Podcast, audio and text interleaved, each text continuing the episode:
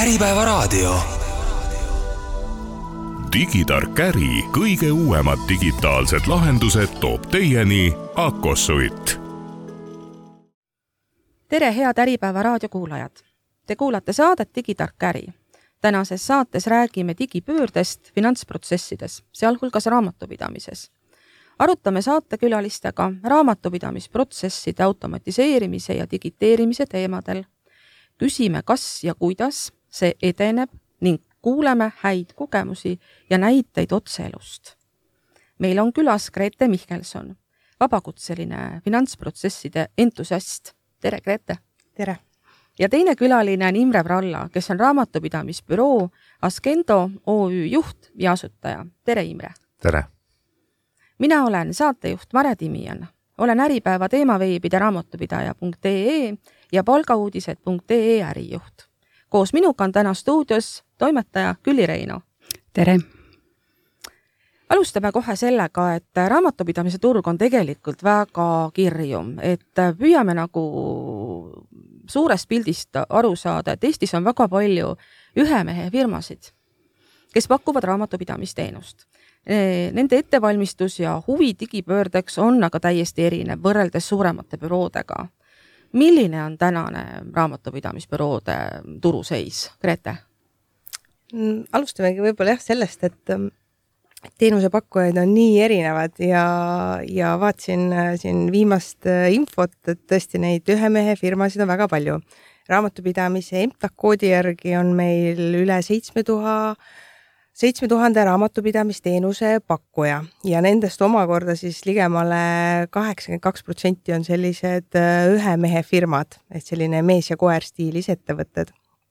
ja loomulikult, et kui, kui see turg on nii suur, siis ettevalmistus on ka täiesti erinev, et, äh, et kui me räägime suurematest büroodest, siis nende vajadus on hoopis äh, teistsugune neil on, nemad tegelevad ju pidevalt tööjõuprobleemiga, sul on vaja tarkasid raamatupidajaid pidevalt peale, kus sa nad leiad, neid on vaja asendada ja nii edasi, kui keegi on haigusel, puhkusel ja nii edasi.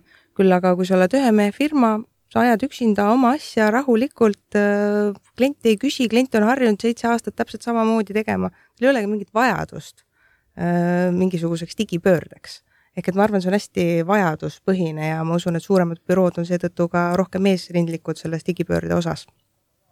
Imre, mis mõtted sul sel teemal? ma hakkasin mõtlema nüüd seda, et, et minu teada Eestis on umbes neliteist tuhat inimest, kes üldse on raamatupidaja ehk siis kaks inimest äh, siis büroo kohta. aga noh, tõesti, et, et äh, see väike ühe inimese siis juriidiline isik, kes raamatupidamisteenust pakub ju ju pigem teeb seda hästi piiratult ja, ja võib-olla iseendale, võib-olla perele ja, ja ta ei olegi raamatupidamisbüroo nagu traditsioonilises mõttes. aga loomulikult jah, et äh, kui me mõtleme seda, et mis on tema jaoks digipööre, siis äh, tema ilmselt eelistab seda, et teeks nii nagu eile ja, ja homme teeks uuesti nagu eile. et sellepärast seda ei tulegi arvatavasti niimoodi mm. -hmm. ehk me siis peaksime tegelikult väga selgelt siis aru saama, et missugune mm,, et kes on siis see raamatupidamispro ehk mingisuguste tunnuste järgi nagu ära äh,, ära mm, jaotama nagu turul tegijad, kas ma saan õigesti aru? jah, ma võtaks raamatupidamisbürood siis, siis niimoodi, et see on teenusepakkuja, kellel on pigem ka töötajad ja tal on tõesti kliendid ja see tähendab seda, et ta pakub turul teenust. ja siis muutuvad oluliseks ka need äh, digi nii-öelda tasemed, et, et äh, tuleb võita neid sekundeid ja minuteid, et jõuda oma hinnaga kasumisse mm. -hmm ise, iseloomusta lühidalt oma ettevõtet, kui suur ettevõte sinul on? me oleme kuuekesi, kuus inimest kokku. meie aastakäive on kuskil kuue poolesaja tuhande euro juures Äh, kliendimaht jääb alla saja kliendi, aga kliendi arv ei ole mitte mingisugune näitaja, sellepärast et üks klient on selline sada eurot kuus ja teine klient on kümme tuhat eurot kuus, ehk siis arusaadavalt me ei saa neid võrrelda. Äh, meie jaoks on olnud kogu aeg äh, väga oluline teha tööd efektiivselt, sellepärast et ebaefektiivsus lihtsalt maksab meile rahakoti pealt kätte. ja teisest küljest tekib sellisele efektiivsele tööle oma niisugune võlu ja nauding ja, ja väljakutse, et, et seal enam ühel hetkel tekivad muu, muud väärtused, miks seda nii teha mm. -hmm. aga väga hea, et siis räägime konkreetsemalt juba, et äh, sa nimetasid märksõna efektiivne. mis on need olulisemad märksõnad sinu ettevõttes näiteks, mis, mis äh, näitavad, et sinu ettevõte on efektiivne? vahest üks olulisemaid asju on see, et ühte ja sama liigutust ei tehta mitu korda siis ühe inimese poolt või mitme inimese poolt korduvalt. et kui tehakse üks dokument, siis see tehakse ühe inimese poolt, kellele, kes, kes algatab selle ja, ja ta lõpetab selle. ja andmed liiguvad maksimaalselt automaatselt, kui meil on võimalik mingi ülesanne jätta arvutile, siis arvuti saab selle ülesande ja teeb selle ülesande ära. ehk siis äh, raamatupidajal tekib rohkem sellist kontrollifunktsiooni kui sisestamise funktsiooni. Ja see on minu arvates efektiivne. kas Askendo raamatupidamisbüroo on pigem väike büroo? hea küsimus, ma tahaks öelda, et täna ei ole enam, sellepärast et eh, jah, inimeste arvu poolest me ei ole kuigi suur, aga kui me vaatame käibe poolest, siis käibe poolest on meil päris arvestatav koht mm. -hmm. Grete, kas sul on äh, lisada siia praegu? ma võib-olla jah, äh, kommenteeriks võib-olla omalt poolt seda, et äh, mis efektiivne on büroo jaoks ja mis on efektiivne kliendi jaoks, on hoopis kaks erinevat asja kindlasti. nii, räägime sellest ja kliendi võib-olla alati lähe, raamatupidajad lähevad ka peale, ütlevad kliendile, et me muudame su raamatupidamise efektiivseks ja siis seal on juba see moment, kus räägitakse üksteisest mööda. et raamatupidaja jaoks on efektiivne see täpselt nii, nagu Imre ilusti välja tõi, et me ei tee topelttööd, äh, me saame kõik kliendid ilusti teenindatud, meil on õigel ajal deklaratsioonid esitatud, meie raamatupidamine klapib võimalikult kiiresti ja vähe aega sinna suunates. Kliendi jaoks on efektiivne hoopis midagi muud, on ju, et klient tahab, et tal oleksid andmed olemas, et ta näeks äh, näeks neid reaalajas ja nii edasi, et, et, et sellega, sellega seda digipööret kliendile maha ei müü, et me nüüd äh, tõstame hinda, et me nüüd muutume efektiivsemaks, et see peaks tegelikult olema vastupidi, on ju. Ja, ja võib-olla selliseks äh, natuke ka, tulen tagasi korra eelmise teema juurde ka, et mina jälle ei jätaks välja neid ühe mehe ettevõtteid seetõttu, et just, et see statistika näitab, et neid ühe mehe ettevõtteid on lihtsalt niivõrd äh, palju ja kui me räägimegi digipöördest tervikuna, siis on nemad ka väga oluline lüli, et üks seesama niisugune kuum teema nagu ikka on meie e-arved, eks ole, ja kui nemad ei hakka e-arveid kasutama, kui nende käes on päris suur ka kliendi maht, sest igalühel on meil keegi sugulane, kes teeb raamatupidajat ja igalühel on ikkagi seal päris mitu klienti, siis on hästi oluline, et ka nemad sellest digipöördest äh, osa võtaksid. Mm. -hmm et nüüd me ka jõudsime siia digipöörde ja nende, nende võimaluste ja digilahenduste juurde, aga räägime siis nendest pikemalt. et tegelikult on täna olemas Eestis juba väga palju erinevaid kasulikke digilahendusi äh, raamatupidamise jaoks. aga praktika või tegelikkus on siis selline, et väga paljud ähm, raamatupidajad neid kahjuks ei kasuta. et äh, miks see nii on? Et kas põhjuseks on rahapuudus, teadmiste puudus, oskuste vähesus või on hoopis tegu hirmuga või harjumuste, harjumustega ehk inimene ei taha harjumusi muuta ma vastan, kui võib. et äh, siin jälle es, esmalt võib-olla alustaks äh, sellest, et äh, mis need lahendused üldse on. sest jällegi, kui me oleme suurem büroo, siis me kindlasti oleme eeskujulikud ja meil on väga palju lahendusi ja võib-olla äh, hoopis äh,, elame hoopis teises maailmas kui selline väike ühe mehe ettevõte et äh, kui me räägimegi digilahendustest, siis noh, eeldame, et meie programm on pilves, me saame andmetele igal ajal ligi me kasut-, me, me ei tee, töötle dokumente paberi peal, ma loodan, et see aeg on läbi, küll aga kahjuks näen endiselt selliseid büroosid, kus see paber ikkagi tuleb. Äh, me kasutame operaatoreid digitaliseerimiseks ja konteerimiseks, eks ole, on ju. Äh, me kasutame liideseid äh, kuni selleni välja, et meil on mingid kliendihaldustarkvarad, kus me kogu kliendi suhtlust ja selliste ülesannete liste hoiame ja nii edasi. et need lahendused on hästi palju, need on hästi erinevad ja seetõttu on ka väga erinev see, kuidas keegi neid kasutab aga või, ma arvan, et selline kõige, rahapuudus, ma tahaks öelda, et ei ole probleem, sest et täna pigem on kallis jätkata samaviisi, et äh, ma tahaks loota, et selles ei ole asi, aga pigem on asi just äh, selles harjumuses. me oleme harjunud nii tegema ja kuni ei ole karjuvat vajadust, siis me ei tee teistmoodi. ehk kui klient ei nõua klient ei soovi, klient on harjunud ka iga aasta toon, saadan korra kuus, saadan dokumendid ja saangi korra kuus võib-olla aruande heal juhul, siis äh, ei tekigi seda vajadust, et uurida, mis turul toimub ja mida teha saab see vast, seevastu aga büroo, suurel bürool on hoopis, nagu enne mainisime ka, on ju, et meil peab olema meil, me vajame järjest raamatupidajaid, meil on kasv, me vajame raamatupidajaid, kes oskaksid äh, kliendile vastata, teda nõustada.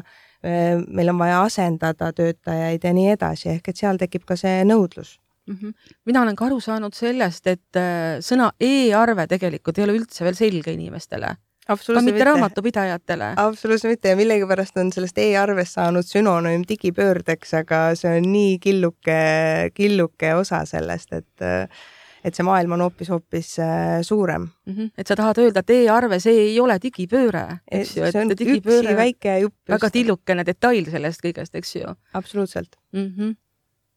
Imre ja ma jäin just mõtlema selle üle, et, et päriselus juhtus hiljuti üks selline asi, et, et äh, üks laps läks oma vanemat külastama maale ja, ja ta isa vajas jahi, jahiloa pikendamist, mida sai teha ainult ID-kaardiga ja peale selle, kui ta selle ära tegi, siis ta tegi seda veel väga palju kordi sealsamas külas. ehk siis see näitabki seda, eks ole, et, et inimesed teatud eas ei ole harjunud kasutama sellist uut asja ja ma ütleks, et nii nende digilahenduste e, e-arve kui kõige muuga, ka raamatupidamises on meil täna väga palju raamatupidajaid, kes on ära õppinud midagi ja sealt edasi õppida tundub kole. mitte, et ta ei suudaks seda õppida, see on kole lihtsalt, ta on tundmatu, see on hirmutav. kas raha on probleem? pigem mitte, sellepärast et need asjad ei ole teab mis kallid, aga mõnel juhul jah, sellepärast et äkki see maksab kümme, kümme lisaeurot kuus ja see tundub palju, sest ma ei saa aru, et mida ma sellest saan. See jätab mulje, et ma maksan kümme lisaeurot kuus ja nüüd ma lisaks sellele pean veel mingisugust tundmatut tarkvara kasutama, mis, mis on veel üks lisatöö. Ja ma arvan, et see, see muster on pigem selline, mis, mis takistab nüüd äh, selliseid kaasaegsemaid lahendusi võtta. Aga see on nagu teine äärmus, eks ole, nii et tegelikult ma arvan, et, et see vastupidine pool on see, et meil on ka terve hunnik inimesi, kes, kes äh, väga hea meelega selle kõike teevad, kõige uue, uusimaid lahendusi otsivad, nii et, et ma ei ütleks, et see nüüd äärmuslikult takistatud oleks. Ja võib-olla selle hirmu koha pealt ka, et seda, seda on hästi palju selle digipöördega üldse erinevates valdkondades, mitte ainult raamatupidamises üles võetud, et kas nüüd äh, arvuti võtab mu töö ära et äh, ma arvan, et see üksik tegija seal kusagil väikse, väikelinnas, et temal on stabiilne kliendibaas, tal on lojaalsus, hoopis teistsugused väärtused. et, äh, et äh, ma ei usu, et seal hirm on ja, ja kui see kõik see digipööre käest hoogu võttis, et siis teenusettevõtetes ma tajusin küll, et oli natuke hirm, et mis nüüd minu tööst saab aga kui seda saadi aru, et tegelikult ma pean, kaotan ära selle läbi ainult oma need rutiinsed tegevused, siis äh, nüüd me näeme, et seda võetakse väga avasüli vastu, et äh, ei tahagi enam neid teha. et võib-olla toon siin ühe kogemusloo, et meil oli, kui me juurutlesime suuremas büroos ähm, dokumentide digitaliseerimist, siis mul läks vist kaks aastat aega, et raamatupidajad äh, muuta siis selle programmi usku ja lõpuks me jõudsime sinna, et isegi ühte dokumenti enam raamatupidaja siset-, sisestanud käsitsi, vaid kõik lasti läbi siis selle süsteemi, digitalise-, digitaliseerimise süsteemi siis. et see on selline, et ei ole hirmu, kui sa saad aru sellest äh,, mis ma sellest võidan mm. -hmm ja, ja kuidas me nendele raamatupidajatele siis selgitame, mida nad sellest tegelikult, sellest digipöördest võidavad? mis on need kolm märksõna näiteks, mida raamatupidaja võidab digipöördest? aeg äh,, täpsus, ma ütleks, täpsus selles kontekstis, et vigu on vähem. ja kolmas, noh, uued võimalused tekivad täiesti, täiesti uued võimalused, mida isegi võib-olla tänase raamatupidaja ei märka, et tal on laua peal olemas mm. -hmm. aja all sa mõtled mida?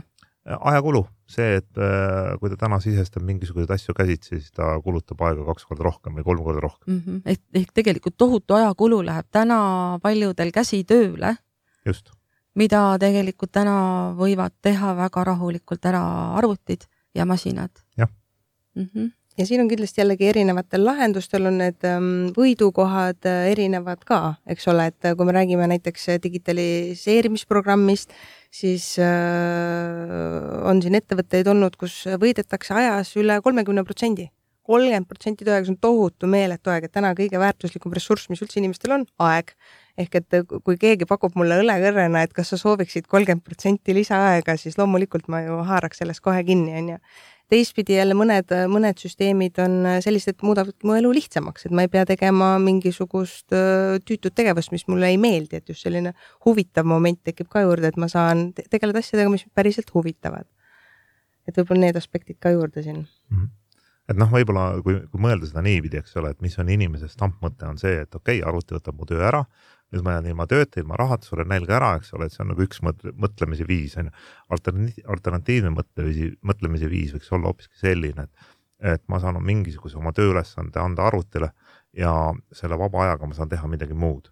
ja ongi ilmselt see hirm ka osalt see, et, et inimesed ei näe seda võimalust, mida see arvuti neile tegelikult pakub mm. -hmm. kuidas sina oma inimestele oled selgitanud eh, neid uusi võimalusi, digipöörde võite?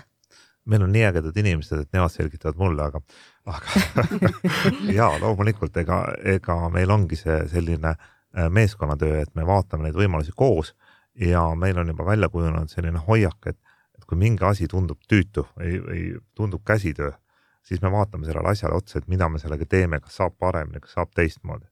noh, vahest meie eelis on see, et kuna, kuna osad meie raamatupidajad ise on muuhulgas ka tarkvara juurutajad siis on meil seda oskusteavet lihtsalt laua peal rohkem, eks ole, et, et keegi tuleb välja, et noh, selline asi on ebamugav, et peab saama teistmoodi ja sealt see tulebki.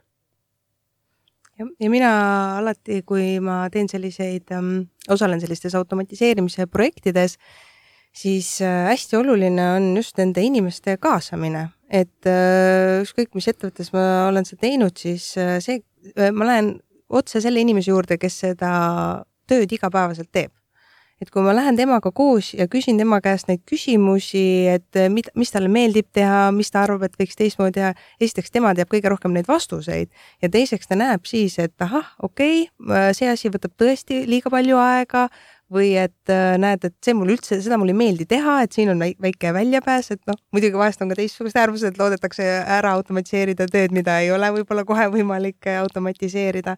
aga et just, et see kaasamine, et äh, inimene näeb ja ta ise mõtleb neid, ma annan alati inimesele võimaluse ise neid lahendusi välja mõelda, ise siis oma poolt lihtsalt toetan mõne kogemuslooga või, või siis mingi mõne, mõnede küsimustega, et inimene ise jõuaks sellistele headele lahendustele ja siis me hakkame koos seda automatiseeringut tegema. kuidas edeneb teie hinnangul digilahenduste kasutuselevõtt raamatupidamisbüroodel? kellele, miks ja mida on sellest võita nii teenusesiseses kui ka välises vaates? Imre. ma ütleks niimoodi, et kui me vaatame raamatupidamisbüroosid tervikuna, eks ole siis äh, peaks mõtlema, et kes on büroo või keda me vaatame, et selle koha pealt seinast seina. aga ma arvan, et äh, kõik edumeelsemad ja, ja noh, sellise ülemise otsa bürood on väga aktiivsed, sest äh, muidu lihtsalt ei suuda konkurentsis püsida. kui siin Grete enne rääkis efektiivsusest, on olemas raamatupidaja efektiivsus, on olemas kliendi efektiivsus, et, et jäin korraks mõtlema just selle üle, et, et seda ei peakski võib-olla nii, nii väga tugevalt tükeldama, sellepärast et raamatupidaja liigub vaikselt kliendi protsessi sisse.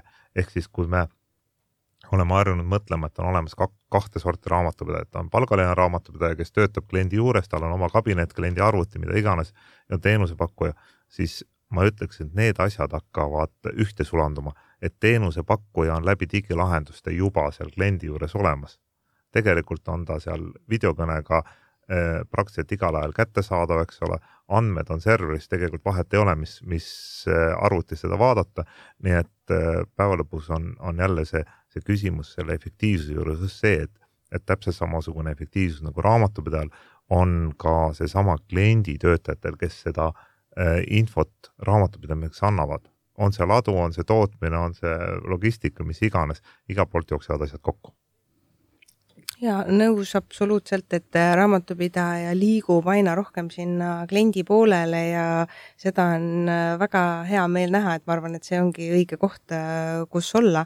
aga tõesti, see seis on täna niivõrd erinev, et tõesti need ees, siin eesotsa bürood otsivad pidevalt lahendusi ja meil on Eestis väga ägedaid lahendusi ja me saame neid testida ja, ja katsetada ja proovida aga kindlasti on siis need pisemad bürood, kes ei ole, ei ole täna veel kuidagi, kuidagi seal digipöördes sees. Aga et mis siin võita on, võita on absoluutselt mõlemal poolel, nii kliendil kui ka, kui ka raamatupidajal endal, et me juba need osad, kõik see efektiivsus ja selline mm, huvitavus ja kõik selle oleme ära katnud, aga aga me jõuame igal juhul ka sinna olukorda, et klient tegelikult ei ole enam nõus maksma lihtsalt sisestuse eest et see on ka selline sundolukord, et see paneb meid äh, liigutama klient tahab niisugust äh, käega tunnetavat äh, väärtust sellest raamatupidamisest. ja võib-olla see ongi selline suur muudatus, mida see digipööre toob, et äh, me ei, kui raamatupidamise äri muutub nii, on juba nii suures muutuses, et me ei, me ei osuta enam täna andmete sisestamist teenust, vaid me, me liigume sinna, et me hakkame ettevõtjaid nõustama, kes soovivad muidugi, et äh, neid nõustatakse. väga paljud ei soovi, väga paljud tahavad lihtsalt äh, teha vaikselt oma asja ja, ja nii ongi et siit ka väga selge sõnum siis ettevõtjale, et tea, mida su raamatupidaja tegelikult teeb, kas ta teeb seda käsitööd või tal tegelikult on kasutuselt äh, targad digilahendused ehk küsi oma raamatupidaja käest. absoluutselt nõus. Äh, ja ma usun, et ähm, et isegi mitte võib, võib-olla küsi ka, aga, aga just, et äh, ka kliendid, kliendid on täna nõudlikud juba et nad on väga teadlikud, nad, mida nad tahavad saada just sellised äh, alustavad ettevõtted äh, mõtlevad juba rohkem äh, pisema, kui me räägime just pisematest ettevõttest, mitte suurtest ettevõtetest, on ju. et sellised pisikesed ettevõtted, no nemad ei ole nõuski kuskil korra kuus tulema ja dokumente ümbrikust tooma, on ju, et nende jaoks on see elementaarne, et ma teen kohe pildi ja saadan ära ja ja ma tahangi, et mu raamatu, ma tahan, et mu raamatupidamine oleks up to date, ma tahan logida praegu süsteemi sisse ja näha, mis mul toimub seal ja see, et ma peaks selle eest eraldi maksma, see tundub mulle täiesti absoluutselt mitte kuidagi oluline teema, et ma ei ole nõus sellega lihtsalt mm. -hmm. Imre, kuidas sul nagu sinu büroo puhul kliendi nõudlikkus, kliendi vaade, kliendi just nimelt see nõudlikkus, kuidas see välja paistab? no me oleme samal turul, eks ole, et, et selles mõttes kliendid on samad, aga loomulikult jaa raamatupidamisbüroo ise kasvatab natuke oma kliente või nõustab või suunab. Ja see on üks väga oluline koht, et, et äh, ma olen kliendile toonud näiteks mingisuguse näite, eks ole, et et kui ta läheb ja ostab poest midagi, noh, ma ei tea, läheb ostab pastaka onju, siis kassas keegi inimene toksib need numbrid kõik ilusti sinna sisse. Ja nüüd on küsimus selles, kas klient tahab veel, veel võtta sealt kassast selle paberi, et maksta selle eest, et see paber saaks kuidagi kasvõi pildiks, maksta selle eest, et see pildi pealt otsitakse välja numbrid, eks ole, et siis kuidagi saada raamatusprogrammi või sisestada või hoopiski võiks olla see, et need andmed liiguvad automaatselt, eks ju. mitte, mitte, et ma praegu nüüd seda e-arve teemat tahaks rõhutada, vaid tahaks rõhutada seda, et kuidas andmed üldse saavad liikuda, et andmed saavad liikuda äh, läbi ettevõtte, läbi raamatupidamise äh, palju automaatselt, automaatsemalt, kui inimesed seda toetavad.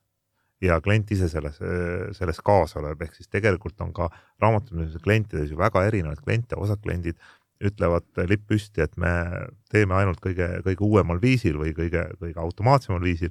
Ja on, on ettevõtjad, kes ütlevad nii, et ärge segage mind, eks ole, tehke oma raamatupidamine et, et, et see on see teine äärmus. et ma arvan, et lihtsalt raamatupidamisbüroode võimalus on kliente aidata aru saada sellest ja ma absoluutselt olen sinuga nõus ja võib-olla selline, see on ka üks niisugune suur probleemkoht endiselt, et eh, et digipööre on protsess, see on muutus, iga muutus on ebamugav, ma tahan olla paigal nii maksimaalselt kui võimalik ja liigutan ennast alles siis, kui tõesti vaja on, on ju. ja, ja see muutus, iga muutus vajab aega. Ja selle, eh, selle ajaga just see, et et ma olen harjunud mingil viisil oma dokumente edastama äh, ja nüüd järsku ma pean sellest tegema pildi, et noh, me, meil ei ole veel seal isegi, et, et see võiks automaatselt süsteemist liikuda, et täna me oleme sellises vaheetapis, kus me peame siiski dokumendist veel, kuludokumendist veel pildi tegema. ja üks suur probleem, mida me pidevalt näeme, et ükskõik kui lihtsaks see tehtud on, meil on imelised äpid, tee lihtsalt pilt, sa ei pea isegi, sul on üks öö, klikk, pilt ja siis send ja kliendid ei tee seda lihtsalt miks, sest see harjumus on nii tugev, ma olen seda eluaeg teinud kuu lõpus kuskilt otsinud, see on niisugune teatud protsess. meil keegi ei meeldi seda teha, aga me kogu aeg teeme seda iga kuu, et me hakkame neid dokumente siis otsima. et see on hästi suur selline see miinuse koht, et, et seda, seda harimist me peame tegema või seda, seda harjumust äh, klientides muutma, et nad saadaksid need dokumendid kohe, et ainult siis on, me saame luua raamatupidajatele neile ka väärtust. et kui me lihtsalt tagantjärgi need kokku paneme, see on nii vana info, et sellega pole mitte midagi peale hakata et see on selline, äh, see võib-olla selle selline suurem komistuskivi ka, mis meil praegu siin digipöördes äh, toimumas on. no vahest üks, üks äh, näide kaugemast ajast, kunagi tuli meil üks selline klient, kes palus raamatupidajal teda mitte väga segada ja, ja siis me kõigele vaatamata saatsime iga kuu talle aruanded, mingisugused põhiaruanded, mida me pidasime oluliseks ja ei läinud väga kaua aega mööda, kui klient küsis juba, et kas, kas ma saan täna need aruanded, ehk siis ta harjus midagi vaatama, tal tekkis mingi teadmine, mingi arusaamine, ta leidis sellest mingisugust väärtust. Ja ma arvan, et täpselt nii nagu sa ütled, eks ole, see on protsess, tekivad uued võimalused, uued, uued soovid ja, ja niimoodi kõik see asi peabki arenema. kas on ka midagi sellist, mis on tegelikult digipöördes praegu läinud väga valesti või ei ole, Grete? on ikka väga palju saab kahjuks äh, väga palju saab valesti ka minna. võib-olla kõige kallimad õppetunnid on olnud, et äh, kui me lahendame mingit äh, protsessi, mingit juppi ja kaasamata jälle õigeid osapooli ja läheme lihtsalt ühte asja lahendama et meil on olnud kogemusi, et kus me arendame kalli raha eest, kalli arendustunni hinna eest eh, teeme mingisuguse lahenduse ja siis on see potsatatud raamatupidaja lauale, kes on, küsib, et mis asi see on ja miks see niimoodi tehtud on ja miks minu käest midagi küsitud. et need on võib-olla sellised kõige kallimad õppetunnid, eh, mis on olnud ja, ja, ja veel võib-olla selline näide, et et kui on võetud mingisugune süsteem kasutusele, me näeme, et sellel on selge väärtus, aga pole töötajatele jällegi piisavalt selgitatud, kuidas see käib, mismoodi see käib, ähm, kuidas ma seda kasutama pean ja kuidas ja, ja ka see setup, et kui ma alguses selle asja kasutusele võtsin, kas ma võtsin ta õigesti kasutusele. et kui, et alati mõtle läbi, kuidas sa, mis sa tahad sellest tootest saada, miks ma seda eh, digilahendust eh, kasutama hakkan, kuidas ma seda kasutama ja kes seda kasutama hakkab, et need on võib-olla sellised kõige tugevamad õppetunnid olnud. ja on olnud ka kahjuks juhus, kus, eh, kus me võtsime ühes ettevõttes kasutusele tähendab, tähendab, ettevõttes oli kasutuses üks süsteem, mis, mis muutis täielikult oma kliendigruppi ehk et algselt äh, see ettevõte sobis sinna äh, seda toodet kasutama ning äh, nad muutsid kardinaalselt siis seda, et kes nende klient on ja siis see vaene ettevõte jäi sinna, sinna keskele, et me pidime kogu siis süsteemi välja vahetama, et, et asjad saaksid korrektselt tööle. Imre, sinu kogemusest õppetunnid mulle... digipöördest? jah, mulle tuleb, tuleb pähe nüüd üks olukord, mida ma olen korduvalt näinud on see, et üks ettevõte kasutab mingisugust tarkvara. kohmaks ei sobi talle, ta ei saa hakkama, mis iganes häda seal on ja kui ma küsin, et, et miks ta seda kasutab või miks ta seda välja vahetada ei taha, siis kõige olulisem argument on see, et ta on selle eest nii palju maksnud.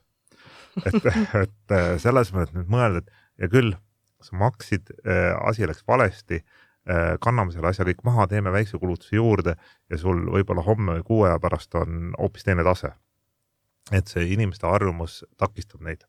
et see on üks asi, kus ja ma usun, et kõikidel büroodel on ka neid näiteid oma mingisuguste protsessidega, et võetakse mingisugune protsess kasutusele ja, ja millegipärast võtab aega selle väljavahetamine lihtsalt sellepärast, et see tundub, et ikkagi on ta liiga kallis, ebamugav või mis iganes kui me räägime digipöördest noh, nagu suurel tasemel või, või, või ütleme natuke, natuke kaugemalt, et kui me räägime mingisugustest andmeformaatidest, mida, kuidas andmeid vahetatakse, on ta e-arve või mingisugune muu andmevahetus riikide tasemel ja riikide sees, siis äh, minu arust on üsna valesti läinud see, et riik ise ei suuda iseendaga kokku leppida, veel vähem suudetakse Euroopa Liidu tasemel midagi kokku leppida, kuigi Euroopa Liit nüüd maailmas nüüd nii suur ka ei ole, et meil võiks olla üks e-arve standard, eks ole, meil võiks olla üks mingisugune statistika standard kuni sinnamaani välja, et miks meil võiks olla üks või sarnane maksude andmete standard, eks ole, et need asjad võiksid olla, aga, aga me kuidagi ei jõua sealt edasi ja need on, need ongi kõige, kõige ebamugavamad asjad, mis takistavad seda digipööret. ehk sa tahad öelda seda, et meil on päris mitu erinevat standardit e-arvetel ja muudel, muudel asjadel ja see teeb selle pildi väga segaseks? Eesti e-arvet sa Rootsi kliendile ei saa saata. ahah rääkimata siis veel pangaliidestest, et äh, kui me Eestis, on meil Eesti programm, Eesti äh, pangad, kõik enamasti on väga lihtne. nii kui on üle piiri tehingud, mul tuleb äh, mingi teise riigi pank, siis ma olen õnnelik, kui ma saan sealt mingi töödeldava faili, mitte PDF-i, mis ei ole minu jaoks töödeldav. et just, et see, see standard, ühtne standard, aga on, on eesmärk, aga sinna see teekond on väga konarlik. huvitav, miks? Eks igal, noh, juba riikide üleselt on ju, et äh, igal riigil on äh, oma nägemus ja iga riik on ka erinevas faasis, et äh, Imrel on siin head näited äh, Soomest olnud, kus sul on nii Soome kui Rootsi mõlemad on ju e-arvet kasutanud palju-palju pikemat aega kui meie, nende kogemus on palju suurem. Soome kogemus e-arvetega, räägime natuke e-arvetest ka siis juba, kui, kui see teemaks praegu tuli mm. -hmm ega minul isiklikult Soome kogemust ei ole, küll aga ma lihtsalt tean, et Soomes on juba aastaid e-arve kasutusel. et kui me võrdleme siis Eestit ja Soomet, me oleme Eestis kogu aeg rääkinud ja tahtnud öelda, et me oleme hästi innovatiivsed ja IT-s väga kaugel, siis täna tuleb silmad maha, maha nii-öelda suunata ja, ja öelda, et midagi ei ole teha, Soome on kaugemal. aga Soome on ka, ka eks seal on ka olnud vastuseisu e-arvetele ja suured ettevõtjad on seal survestanud seda ka hoopiski teistpidi, et, et kui äh, kasutati veel PDF-arveid, siis suured ettevõtjad võtsid seisukoha, et, et nad äh, võtavad oma hankijalt äh, PDF-arve töötlemise tasu näiteks, maksavad lihtsalt natuke vähem. ja täna on nad hoopis õnnelikumas seisus. ehk see tähendas siis seda, et, et kui sa tahad vanamoodi teha, siis sa pead maksma selle eest? jaa, sisuliselt küll, kuigi täna enam ei saagi vanamoodi teha mm. -hmm. just mm,? E-arvete teema on praegu hästi kuum teema, sellepärast et ka valitsus on äh, märku andnud, et äh, täiesti võimalik, et aastal kaks tuhat kakskümmend viis muutuvad äh, e-arved ettevõtjatele kohustuslikuks.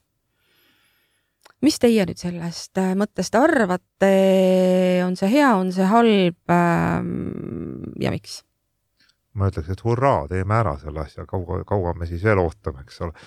tegelikult on ju nii, et, et et e-arved on ju riigisektorile arveldamiseks kohustuslikud, ehk siis ettevõtjad, kes tahavad riigisektoriga arveldada, on kohustuslikud juba kaks tuhat üheksateist juulis, kui ma nüüd õigesti mäletan, siis eh, meil täna on piltlikult öeldes kaks süsteemi, eks ole, et, et eh, osadel nagu peaks e-arve esitama, teistel ei pea.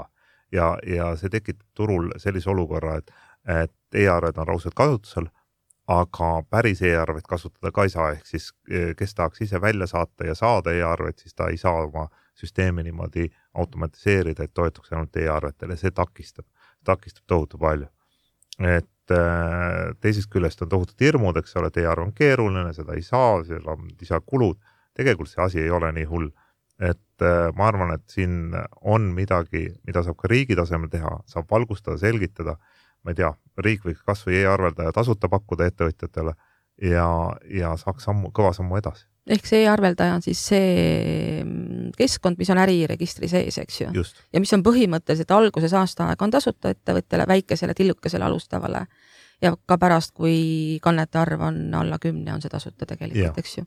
et noh, võiks, võiks mm -hmm. sinna panna siis rohkem neid kandeid, eks ole, et see mikro mikroettevõtjate ots saaks, saaks selle kindluse või et kui nad tahavad, olgu neile siis see tasuta mm. -hmm. aga julgusta nüüd veel neid äh, väikeseid äh, tillukesi ettevõtjaid äh, või raamatupidajaid, kes ei taha täna seda e-arvet, sellest ei taha midagi kuulda, et ähm....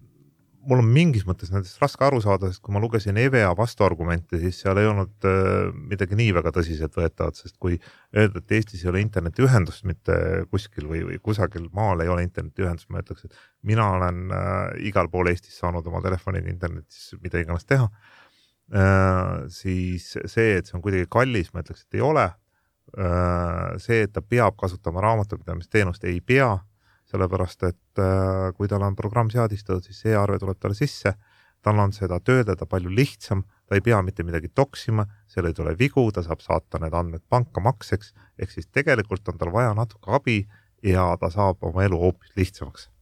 Just, et äh, küsimus ongi jällegi protsessis, et e-arve muudab täielikult tänast protsessi. Praegu on niimoodi, sain PDF-i endale emaili peale, loen selle läbi, vaatan ja õige, saadan raamatupidajale, raamatupidaja sisestab, siis ma vaatan selle veel üle korra sisestab pangas. ehk ta toksib tegelikult käsitsi no need numbrid enamus- kõik sealt arve pealt ümber oma süsteemi. ja no täna enamus programmi see PDF ikkagi ka enamasti suure osa andmetest äh, loeb ära, aga Mhm. just see protsessi küsimus, et enne ma sain ta emailist, ma sain teda, mina sain vaadata, nii, nüüd suunasin ta edasi, aga nüüd, kui see e-arve tuleb, ta tuleb ju süsteemi, ma pean hakkama seda emailist väljaspool järsku nüüd valideerima, kas see on nüüd õige arve protsess hoopis teistsugune.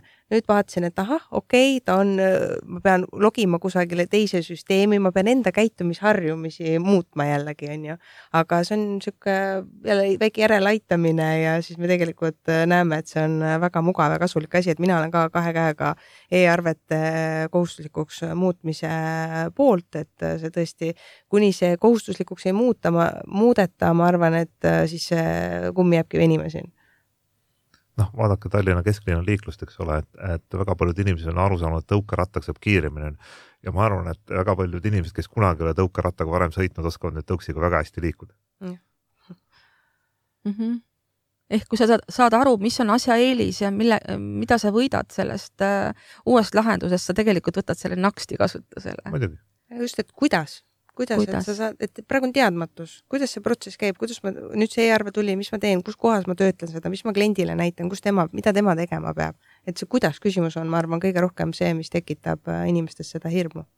aga arutame seda kuidas küsimust jah, protsess just, et, et kui e-arve. et mis sa päriselt nüüd, kui me mõtleme, mõtleme, et okei okay,, et ma olen nüüd väike raamatupidamise teenust osutav ettevõte, kuidas ma nüüd selle e-arve peaksin endale siis korraldama?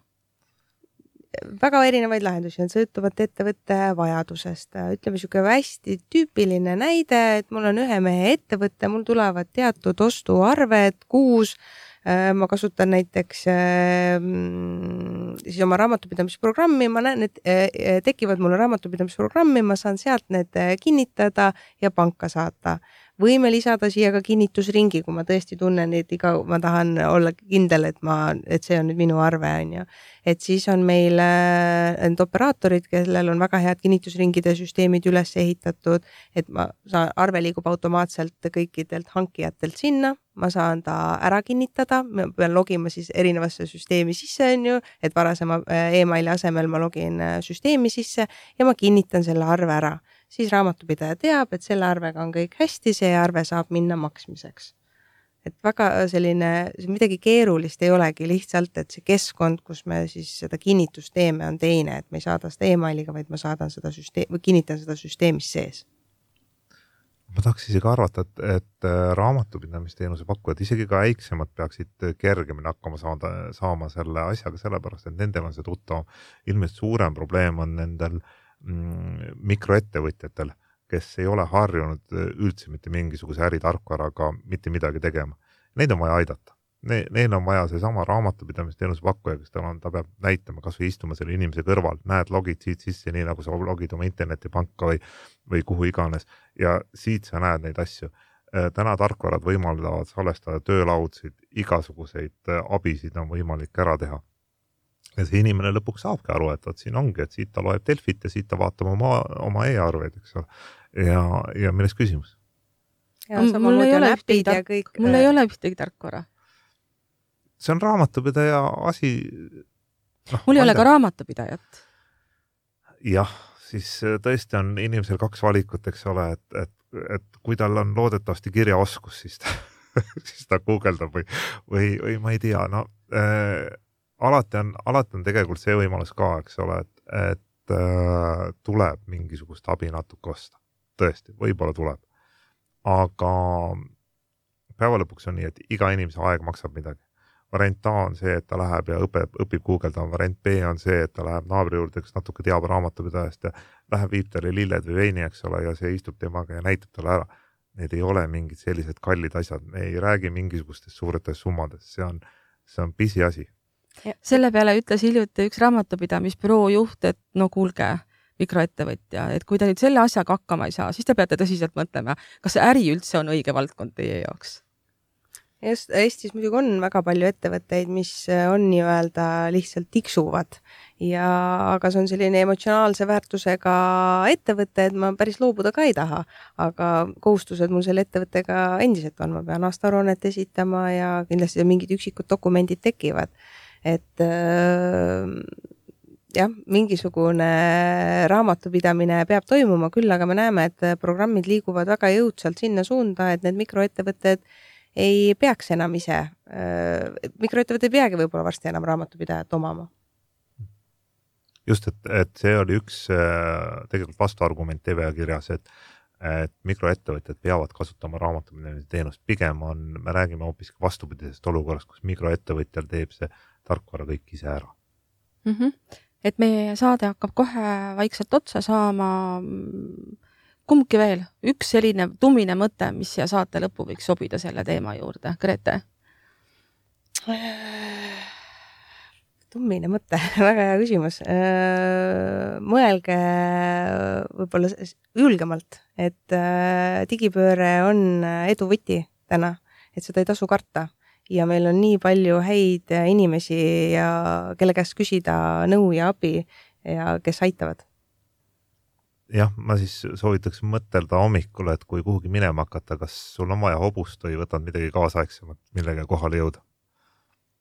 suurepärane, need on väga head mõtted siia saate lõppu. head kuulajad, nüüd on aeg hakata saadet kokku võtma tänases saates rääkisime raamatupidamisprotsesside automatiseerimisest ja digitaliseerimisest ning tõime elulisi kogemusi ja häid näiteid teile. saates olid külas Grete Michelson, vabakutseline finantsprotsesside entusiast ning Imre Pralla, raamatupidamisbüroo Askendo OÜ juht. mina olen saatejuht Mare Timian olen teemaveebide raamatupidaja.ee ja palgauudised.ee ärijuht. koos minuga oli saates toimetaja Külli Reino. suur tänu saatekülalistele ja aitäh kõigile kuulajatele. järgmist saadet sarjast Digitark äri kuulete kuu aja pärast. digitark äri saatesarja toob teieni pilvepõhine tarkvara Netsuit, parim valik digitaalseks tulevikuks